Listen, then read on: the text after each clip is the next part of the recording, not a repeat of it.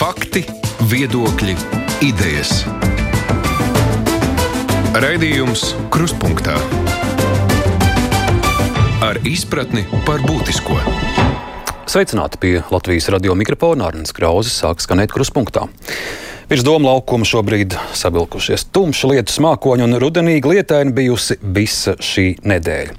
Un ar skatu uz rudens pusi. Šajā stundā aplūkosim arī dažus notikumus. Vispirms jau gaidāmās Rīgas domas ārkārtas vēlēšanas. Tātad, kā jau parasti, piekdienās kruspunktā apspriežam svarīgāko un interesantāko, kas nedēļā ir noticis. Un ar savu vērtējumu dalās kolēģi žurnālisti. Šodien uz sarunu esam aicinājuši TV3 raidījuma nekā personīgi žurnālisti Gunu Gleizde. Sveiki, Guna! Sveiki. Žurnāli ir komentētājs Aivars Ozoliņš. Aivars, sveiks! Labdien! Un arī Sanita Uplēja, Delfi žurnālists. Sveika, Sanita! Sveicināti! Kolēģi piedāvāja sākt ar uh, Rīgas uh, domas vēlēšanām. Šonadēļ 15 partijas, kuras startēs, ir noskaidrojušas izlozē, kādā secībā būs uh, viņu vēlēšana biļeteni vēlētājiem acu priekšā. Un, uh, Interesanti, man kolēģe Evita Puriņa, es skatījos Twitterī, viņa ir izvilkusi tādu pavisam īsu esenci, izējot cauri un izlasot uh, visu partiju programmas ar tādiem dažiem interesantākajiem solījumiem.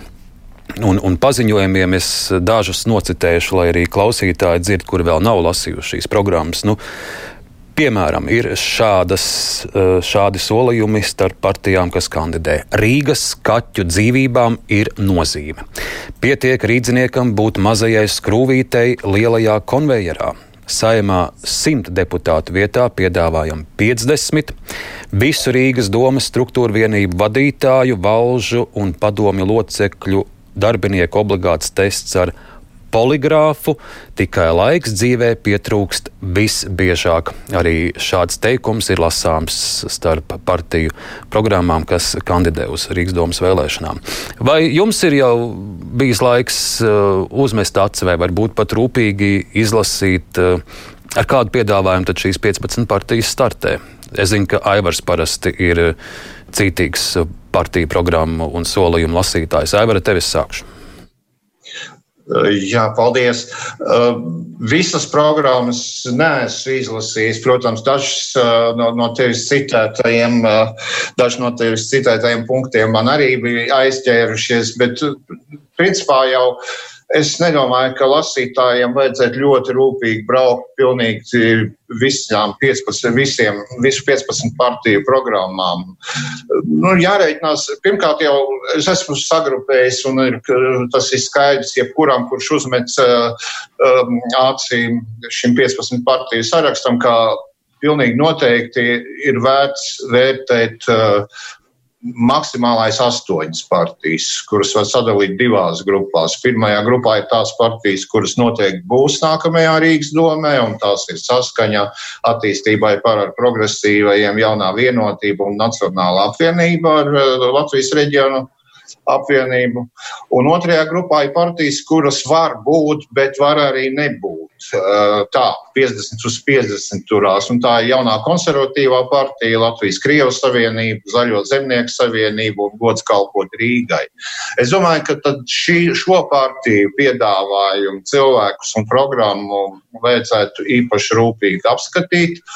Un uh, vienīgi Neatkarīgi no tā, kas rakstīts viņu programmās, tas spēku salikums pagaidām ir grūti prognozējams. Var prognozēt vienīgi to, ka, lai kāds tas būtu, tad visticamāk tas pat sliktākajā gadījumā, ja iekļūtu gan gods kalpot Rīgai, gan Latvijas Krievijas Savienību, diez vai šīs partijas kopā ar saskaņu veidot vairākumu. Izskatās, ka gods kalpot Rīgai vienkārši cer, ka viņi varēs uh, sniegt ļoti vērtīgu piedāvājumu citām partijām, eh, nebrāļoties vairs ar saskaņu, kā viņi pašlaik ir pozicionējušies. Jā, nu, kolēģi, vēl pie uh, izredzēm un pie personālajām vēl detalizētāk mēs arī pakavēsimies, bet pagaidām pie šīm partiju programmām Guna Sanita, vai, vai jums ir izdevies ielūkoties tajās? Sanita, sākšu tev. Nu, gatavoties šim raidījumam, es uh, sāku lasīt, es izlasīju kādus 12 vai 13, man mazliet pietrūka laika. Bet, principā, es ieteiktu lasītājiem, vēlētājiem izlasiet, tas ir to vērts, un tas neprasa pārāk daudz laika. Tas neprasīja pat veselu stundu man. Nu, vēl sākt. Uh, nu, ko lai saka, tur ir, protams, ir, ir ļoti dažādas frāzes un interesantas, bet uh, tas, kas tur iet cauri, man liekas, tām ceļš lielajām partijām, kas ir saimā, tur iet tās intereses, kas ir valsts līmenī nu, diezgan labi redzēt. Un tad pēc tā mēs varbūt arī varam nu, izdarīt kaut kādus secinājumus, es teiktu, vēlētāji, nu, kas ir sekojis līdz varbūt tās, kā, kā kas ir bijis. Bet nu, tas konkrēti izlasīt ārā varbūt arī jautājums, kas man uzreiz radīja, un, piemēram, ja man būs iespējas uzdotu, kā vēlētājs vai kā žurnālists, piemēram, transports. Ir, ir partijas, kas sola bezmaksas visiem, ir partijas, kas sola tur, nu, bezmaksas skolēniem, pensionāriem. Uh, Man, man liekas, ļoti būtisks, tāpēc ka tas iet kopā arī to, ka Rīga lai būtu zaļāka, drošāka un tam līdzīgi. Un tad, piemēram, arī Rīgas nama nam pārvaldnieks. Ir konkrēts partijas, kas nosauc, ko ar to darīt. Konkrēti, ka nevajag privatizēt, ir citas, kas sakārtot, bet, piemēram, audits, ko vakardien arī varēja lasīt rakstu žurnālā, ir par auditu, saka, ka faktiski tas būtu jāpri, nu, jāprivatizē, bet ar to nav jānodarbojas pašvaldībai. Tas Jo ir ļoti daudz firmu, kas ar to nodarbojas. Nu, tātad šis jautājums principā ir ļoti būtisks. Man, tas ir interesanti, ko tad šīs partijas iedomājas darīt. Un, principā, no programmām iz, eh, izējot, ir jāprasa sīkāk un smalkāk, ko viņas domā. Jo tie ir diezgan būtiski jautājumi, kas eh, nu, arī ir tās lielas izmaksas. Gunam.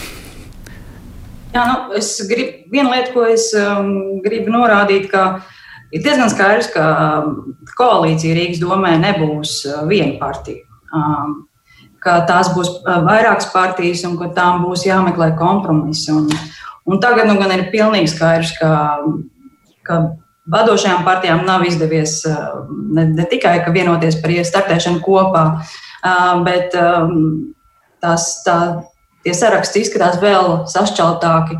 Un tā izvēle ir vēl sašķeltāka nekā, teiksim, varbūt varēja, iepriekš varēja domāt.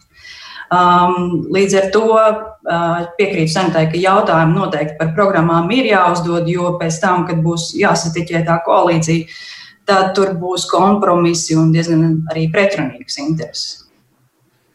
Nu, lūk, mums šobrīd arī ir zināms, kuri ir tie 15 cilvēki, kuri ir izvirzīti kā Rīgas mēra amata kandidāti klausītājiem. Es pavisam ātri viņus atgādināšu, lai visus nosaukt Mārtiņš Staķis, Linda Ozola, Oļegs Burovs, Konstantīns Čekušins, Enārs Celinskis, Vilnis Tirsis, Viktors Valainis, Valērijas Petraus, uz mēra amata kandidē arī Dainis Vītols, Miroslavs Mitrofānaus, Jānis Balter, Vittenheims, Ruslans Mankrātovs, Ralfs Nemiro, Tatjana Kargina.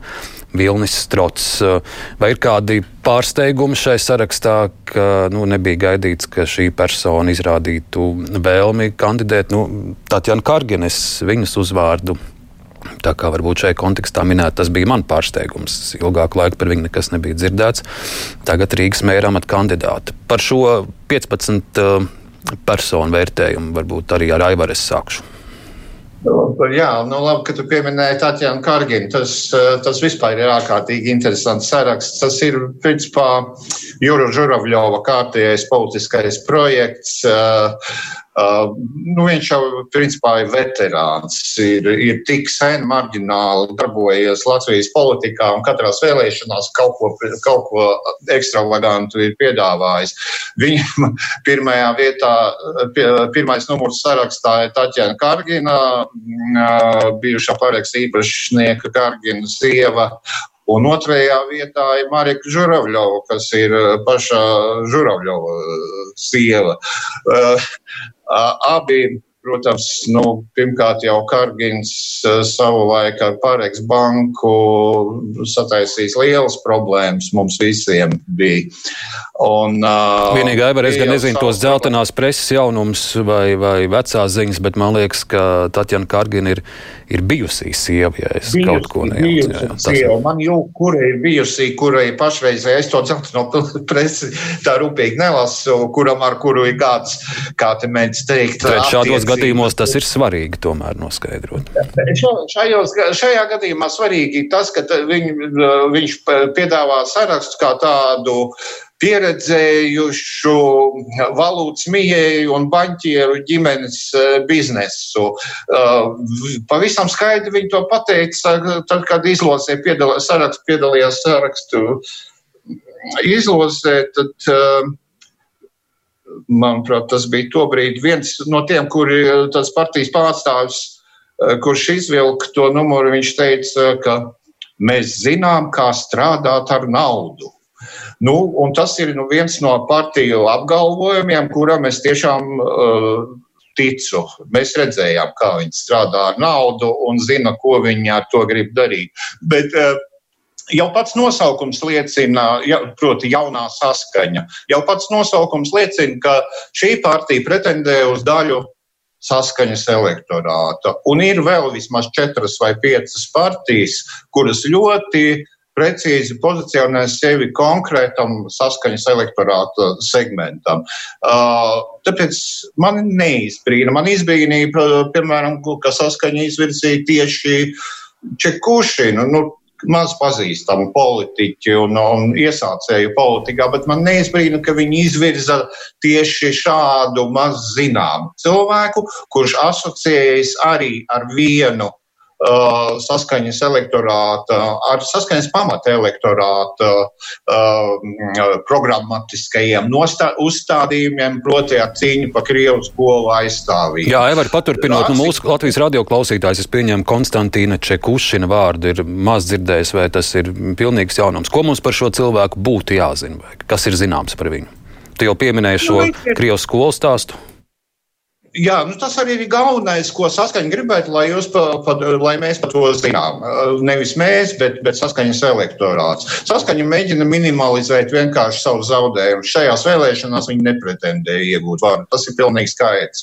Un viņi strādā tikai savai elektorātu pamatdaļai. Čekuršins strādā LMT, nekāds muļķis jau droši vien nav, nekādas lielās pieredzes politikā viņam nav cilvēks, kurš neizraisīs kaut kādu uzreiz mm, negatīvu pretreakciju vai, vai, vai nostāšanos izprovocēs nostāšanos kaut kādā pozā, ka viņam varēs norādīt pagātnē uz kaut kādiem grēkiem, uz kaut kādiem skandāliem un pārējo. Ļoti neitrāls, zolīts, um, varētu teikt, inteliģents cilvēks, un, un nekāda pretruna te nav. Tas, ka, tas, ka viņu nepazīst ārpus saskaņas elektorāta. Tā nav problēma saskaņai, kura paša šajās vēlēšanās nemēģinās piesaistīt neko jaunu. Viņi mēģinās saglabāt cik vien iespējams to, kas viņiem ir. Paldies, Evar, vēl iesaistīsim arī, iesaistīsim arī kolēģis. Nu, lai mums būtu objektīvi jāpiemina arī citi līderi, lai nav tikai divu partiju.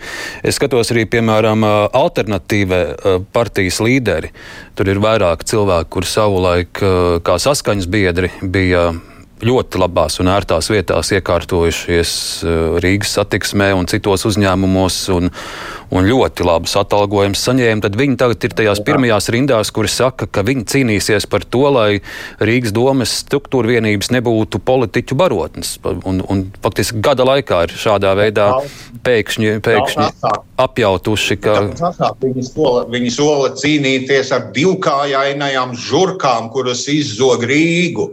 Uh, Tā ir gandrīz vai vienīgā vēl korupcija piemiņa tikai attīstībai par un jaunā vienotība no visām programmām, manuprāt. Varbūt es kādreiz būšu palaidis sīkāk partiju garām, bet uh, viņi vienīgi ir. Viņi ka, ļoti kategoriski pasaka, ka viņa cīnīsies ar korupciju. Nu, tas, protams, ir tā, kā lai pasaka, amizanti. Vienkārši, nu, par, cilvēki... citiem, jā, par citiem līderiem, Guna, tavs vērojums skats. Jā.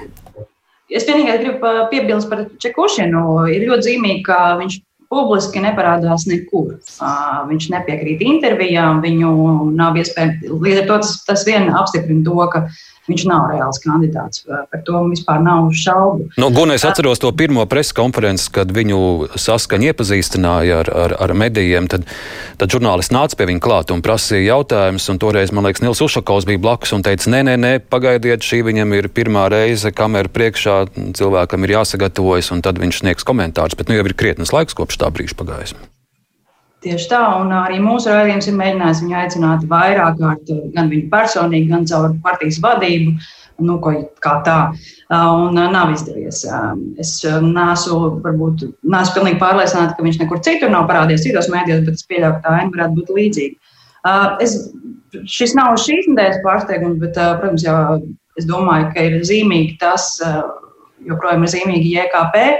Mēra kandidāta maiņa, ja atceramies, pavasarī JKP izterēja milzīgus līdzekļus um, reklamējot um, Jurašu kā savu kandidātu. Līdz ar to uh, nu, redzēsim, kā viņam veiksies šobrīd. Um, un es domāju, tas iezīmēs arī tas, uh, uh, ko partijas vēlas mainīt saimē. Jo Nav zināms, protams, vai KPV, piemēram, iekļūs Rīgas domē vai nē, bet tas nozīmē, ka viņi grib pam pamainīt savu saimnes sastāvu. Tātad Rauls Mīra ir gatavs atstāt darbu saimā. Tas nozīmē, ka mainīsies arī komisiju vadība. Juris Juris tātad paliek saimā, un tas, tam varētu būt arī tālējošas sekas attiecībā uz parlamenta darbu.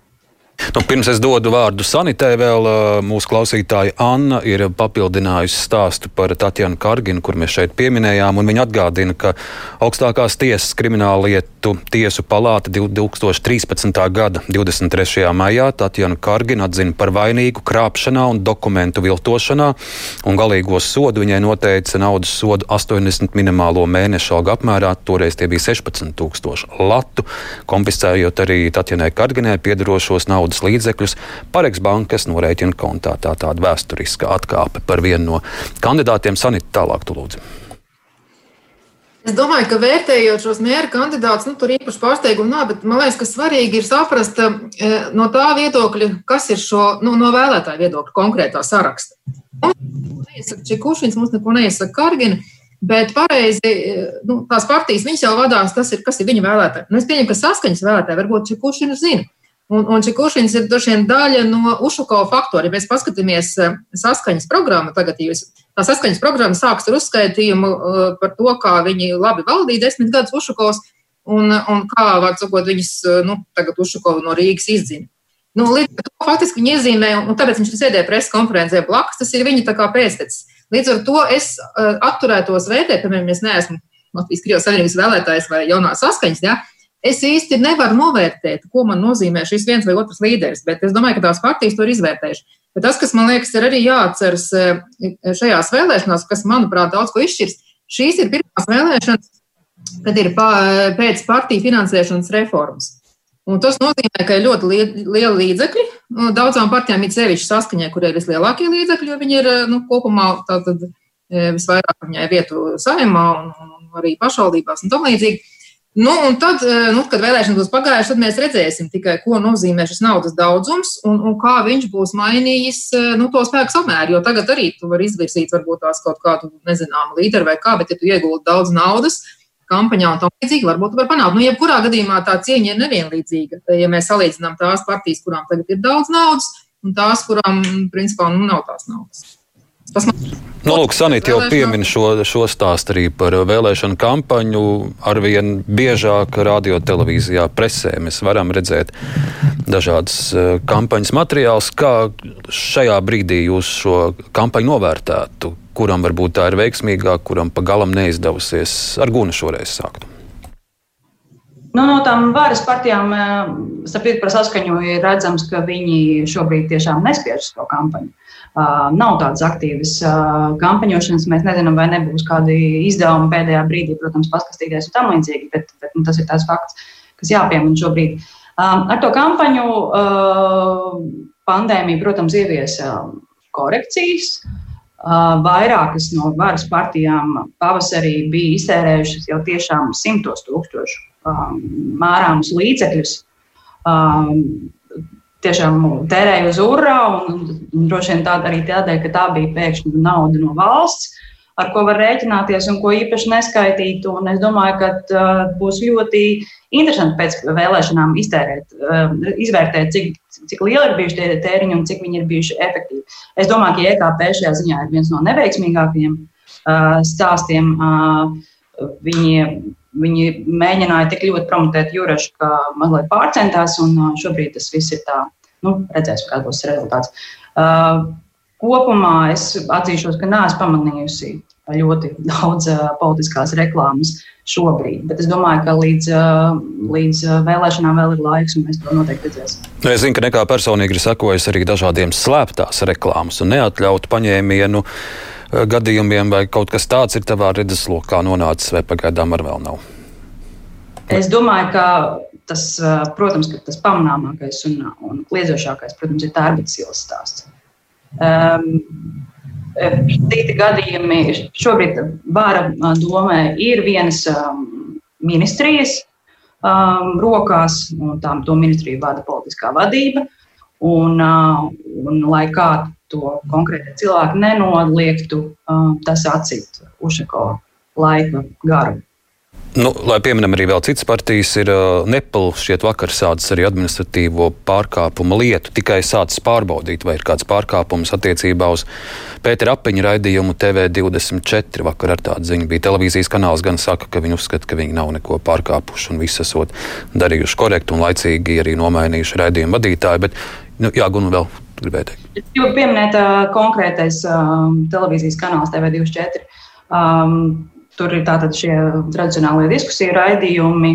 Uh, Apinis nav vienīgais, kas tur parādās uh, no kandidātiem uh, konkrētajā televīzijā. Un ne tikai, ka paši kandidāti ir arī ar viņiem pietuvināts personas, kas, kas stāsta par to, cik viņiem, piemēram, ir tos draugs un liels cilvēks. Un, um, nu, teiksim, bez atsauces par to, ka konkrētais cilvēks ir kandidāts, bez žurnālista eh, iebildumiem vai kritiskiem jautājumiem vai atgādinājumiem.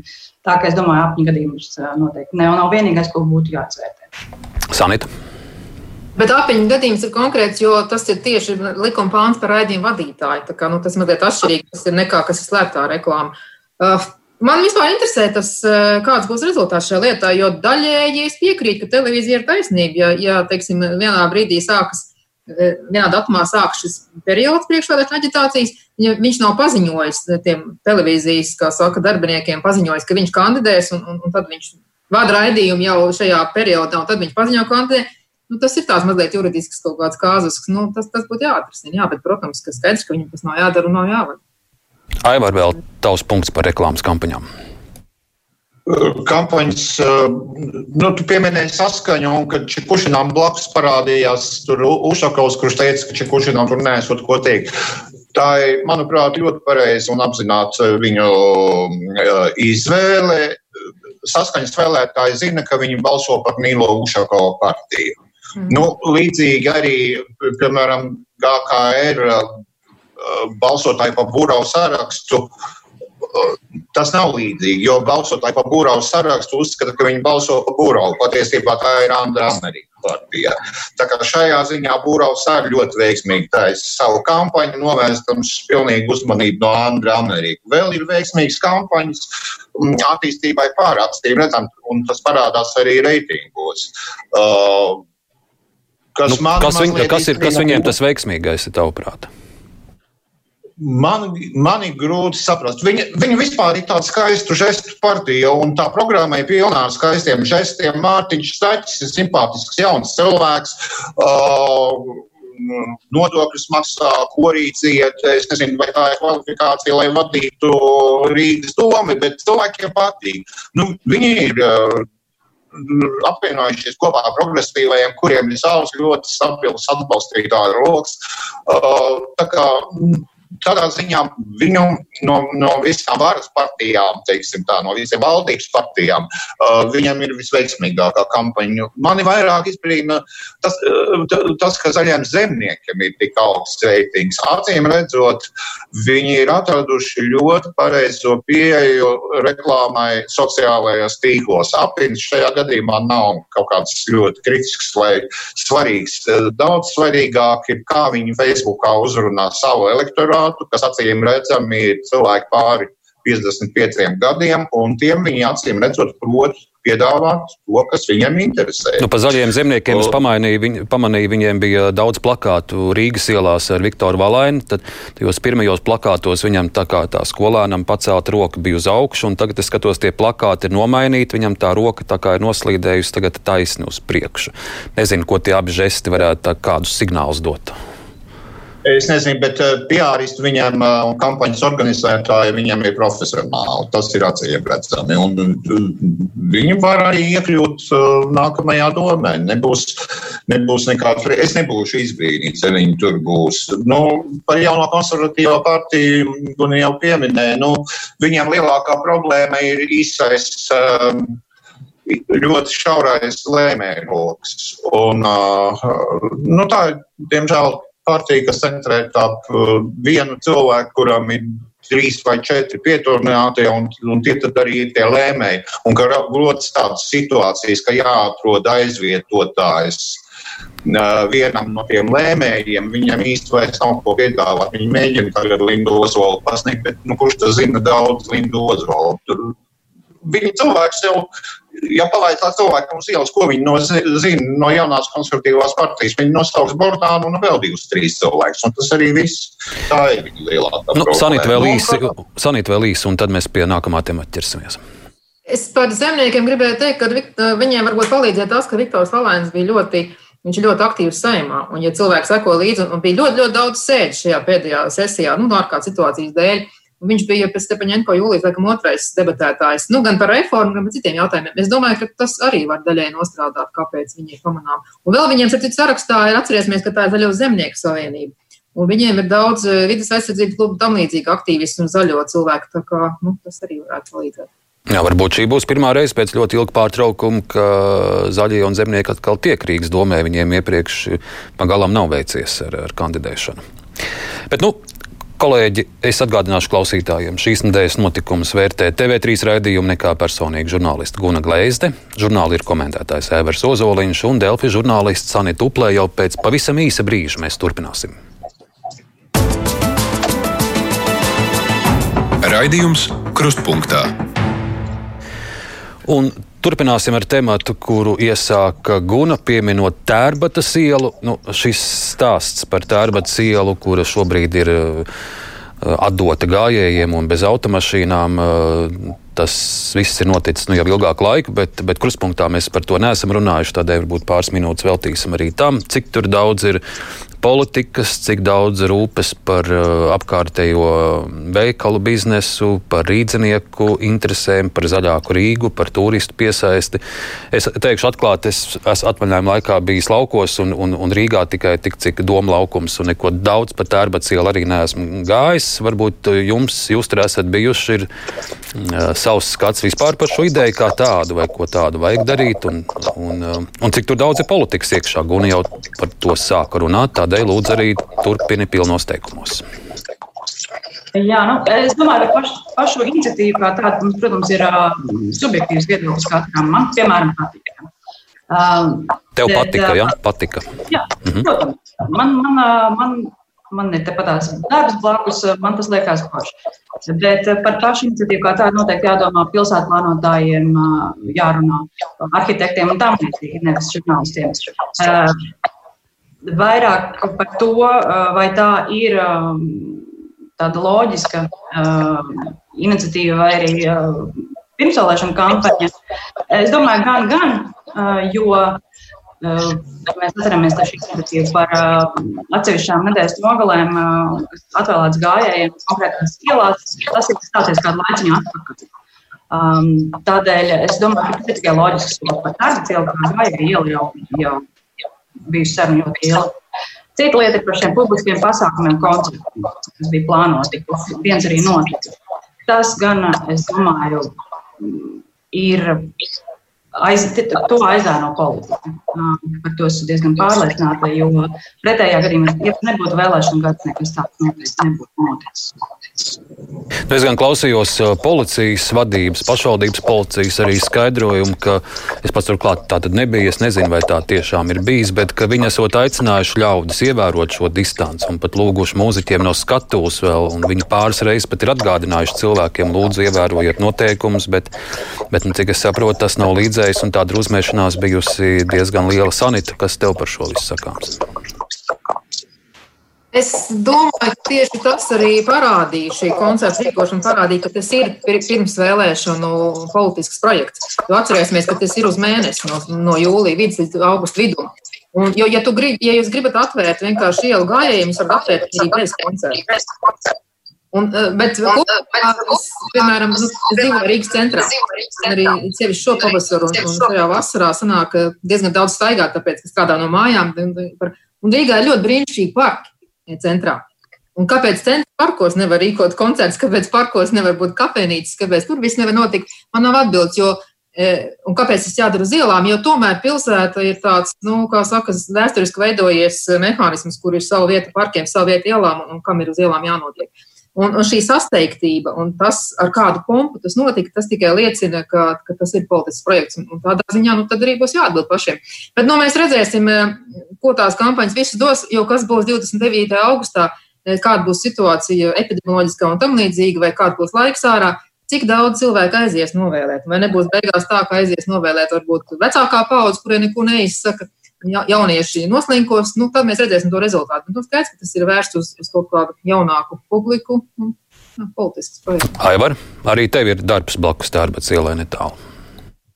Jā, es piekrītu mm, abiem līdz šim paustajiem viedokļiem, ka tas ir politisks projekts. Te tikai jānodala divi politiskie projekti. Viens ir ielas atvēršana, kas nav nekas jauns. Burovs jau to darīja, kā mēs atceramies, jau ziemā gaidīdams, ka vēlēšanas būs pavasarī. Viņš katru nedēļas nogalu slēdz te vienu, te citu ielu.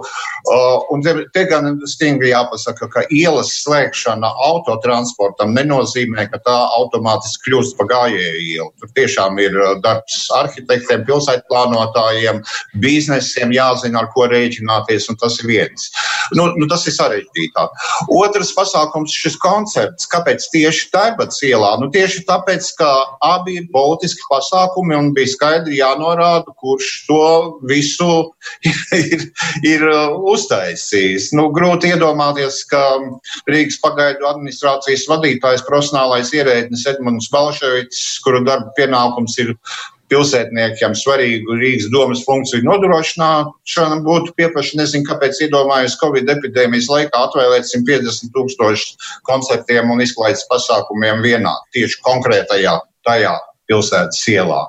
Um, tur nav jābūt nekādam ekspertam, lai saprastu, ka, ja būs populāras grupas koncerts, tad būs pūlis. Un, to, un tagad visi var laist muļķi. Viena rāda, ka uh, paši skatītāji vainīgi, citi rāda, ka policija vainīga. Policija tur neko nevarēja nodrošināt. Ja tādu koncertu rīko tik šaurā vietā, tur ir, tur ir bezcerts.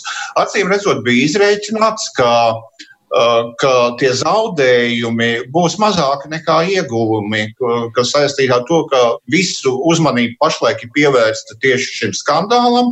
Visi zina, ar ko tas ir saistīts, konkrēti ar attīstībai par um, um, uh, partiju, un, un, un tagad mēs visi par to vārāmies. Un kas nāk viņam atkal pa labu, protams. Nu, lūk, nu, uh, mums vēl kolēģi kāds 5-6 minūtes. Es pavisam īsi vēl vairāk šīs nedēļas notikumus gribu pieminēt un dzirdēt jūsu viedokli. Es sākšu īsi ar pirmo.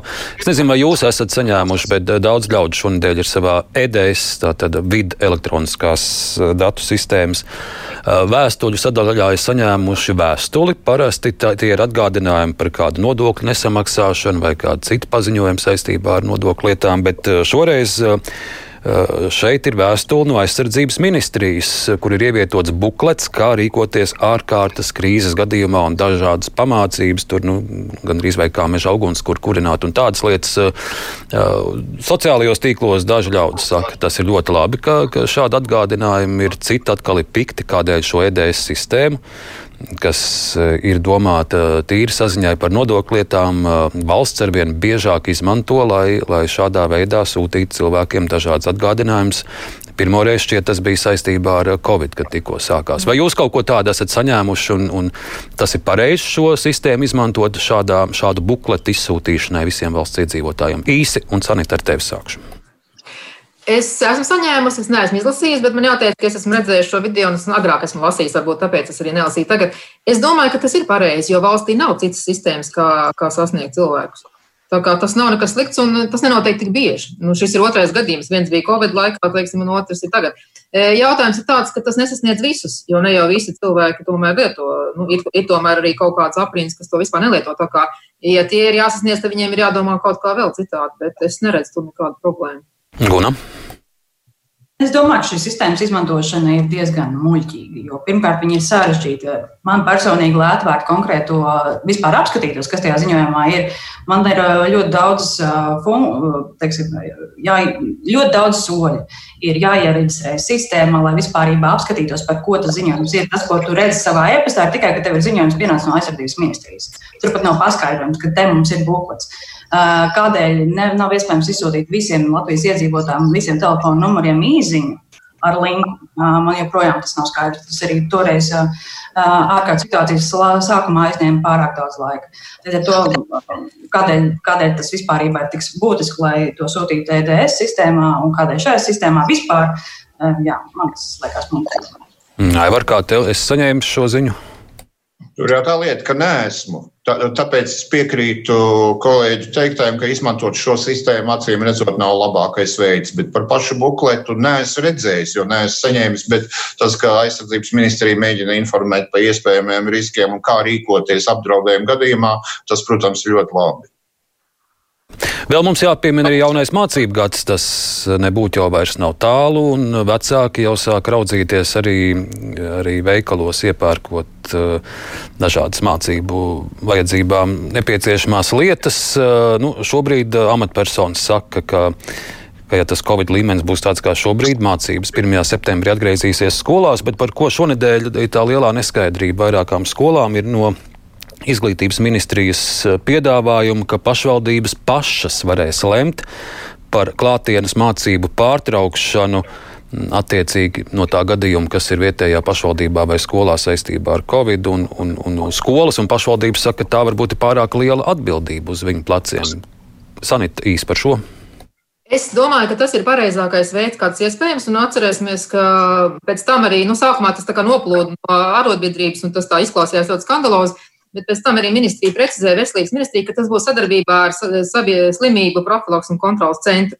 Un tas nozīmē, ka atcerēsimies, ka pašvaldības ir tādas, kā mums ir Baltiņā ar pusotru tūkstošu iedzīvotāju, mums ir Rīga, un tur ir viena skola, un mums ir Rīga ar simtiem skolu. Tas nozīmē, ka pašvaldības vislabāk zina, kur kas notiek, un ja viņi sadarbojas epidemiologiem, tad viņi to var izlemt. Jo nav nekāda pamata slēgt visas skolas visā valstī, ja, piemēram, Baltiņā vienā skolā ir uzliesmojums, Un arī Rīgā, ja ir valūtūde uzliesmojums, kāpēc jāslēdz skolas teikā. Man liekas, ka tas ir pareizākais veids. Guna. Um, jā, teorētiski tas, protams, ir, protams, ir taisnība, jo ir lokāli uzliesmojumi, ko var uh, lokāli ierobežot. No otras puses, es, man nav paļāvība, ka katra pašvaldība skatīsies uh, un sekos līdzi šiem um, nosacījumiem, it īpaši uh, un situācijai, it īpaši ņemot vērā, ka, IZM ir noteicis, ka nebūs kaut kāds īpašs konkrēts vadlīnijas par par to, kurā brīdī, kas ir tas slieksnis kad ir jāslēdz vai nav jāslēdz skolas. Un iepriekš pavasara pieredze mums ir parādīja, ka daudzās pašvaldībās sekošana noteikumiem ir diezgan formāla. Tos mēģina apiet, rīkot pasākumus arī tajā pašā pandēmijas un ārkārtas situācijas teiksim, pīķī. Un Aivar, tev ir minūte. Man, es piekrītu kolēģi bažām. Man ir uh, lielāka iebilduma pret to, ka tas ir pretrunā ar principu, ka politiķi ierobežojums, uh, kā ar Covid saistītos ierobežojumus, pieņem balstoties ekspertu ieteikumos. Šajā gadījumā nav īsti skaidrs, kurā posmā, lēmumu pieņemšanas posmā parādās eksperti, vai eksperti varēs uh, pateikt gala vārdu, kāds būs šis mehānisms, konsultāciju mehānisms. Sanita pieminēja uh, slimību profilaks un kontrolas centru, nu, bet jā, uh, jā. kontrolas centra vadītājs Perevoščikovs teica, ka um, centrs nevarēs kontrolēt katru pašvaldību.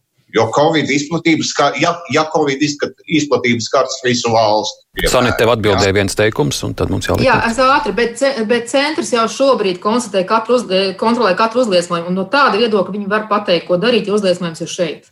Un kurš pieņems gala lēmumu? Lūk, ar šo Aivaru uzdoto jautājumu mums šodien arī sarunai jāliek punkts. TV3 raidījuma nekā personīga žurnālista Guna Gleizde.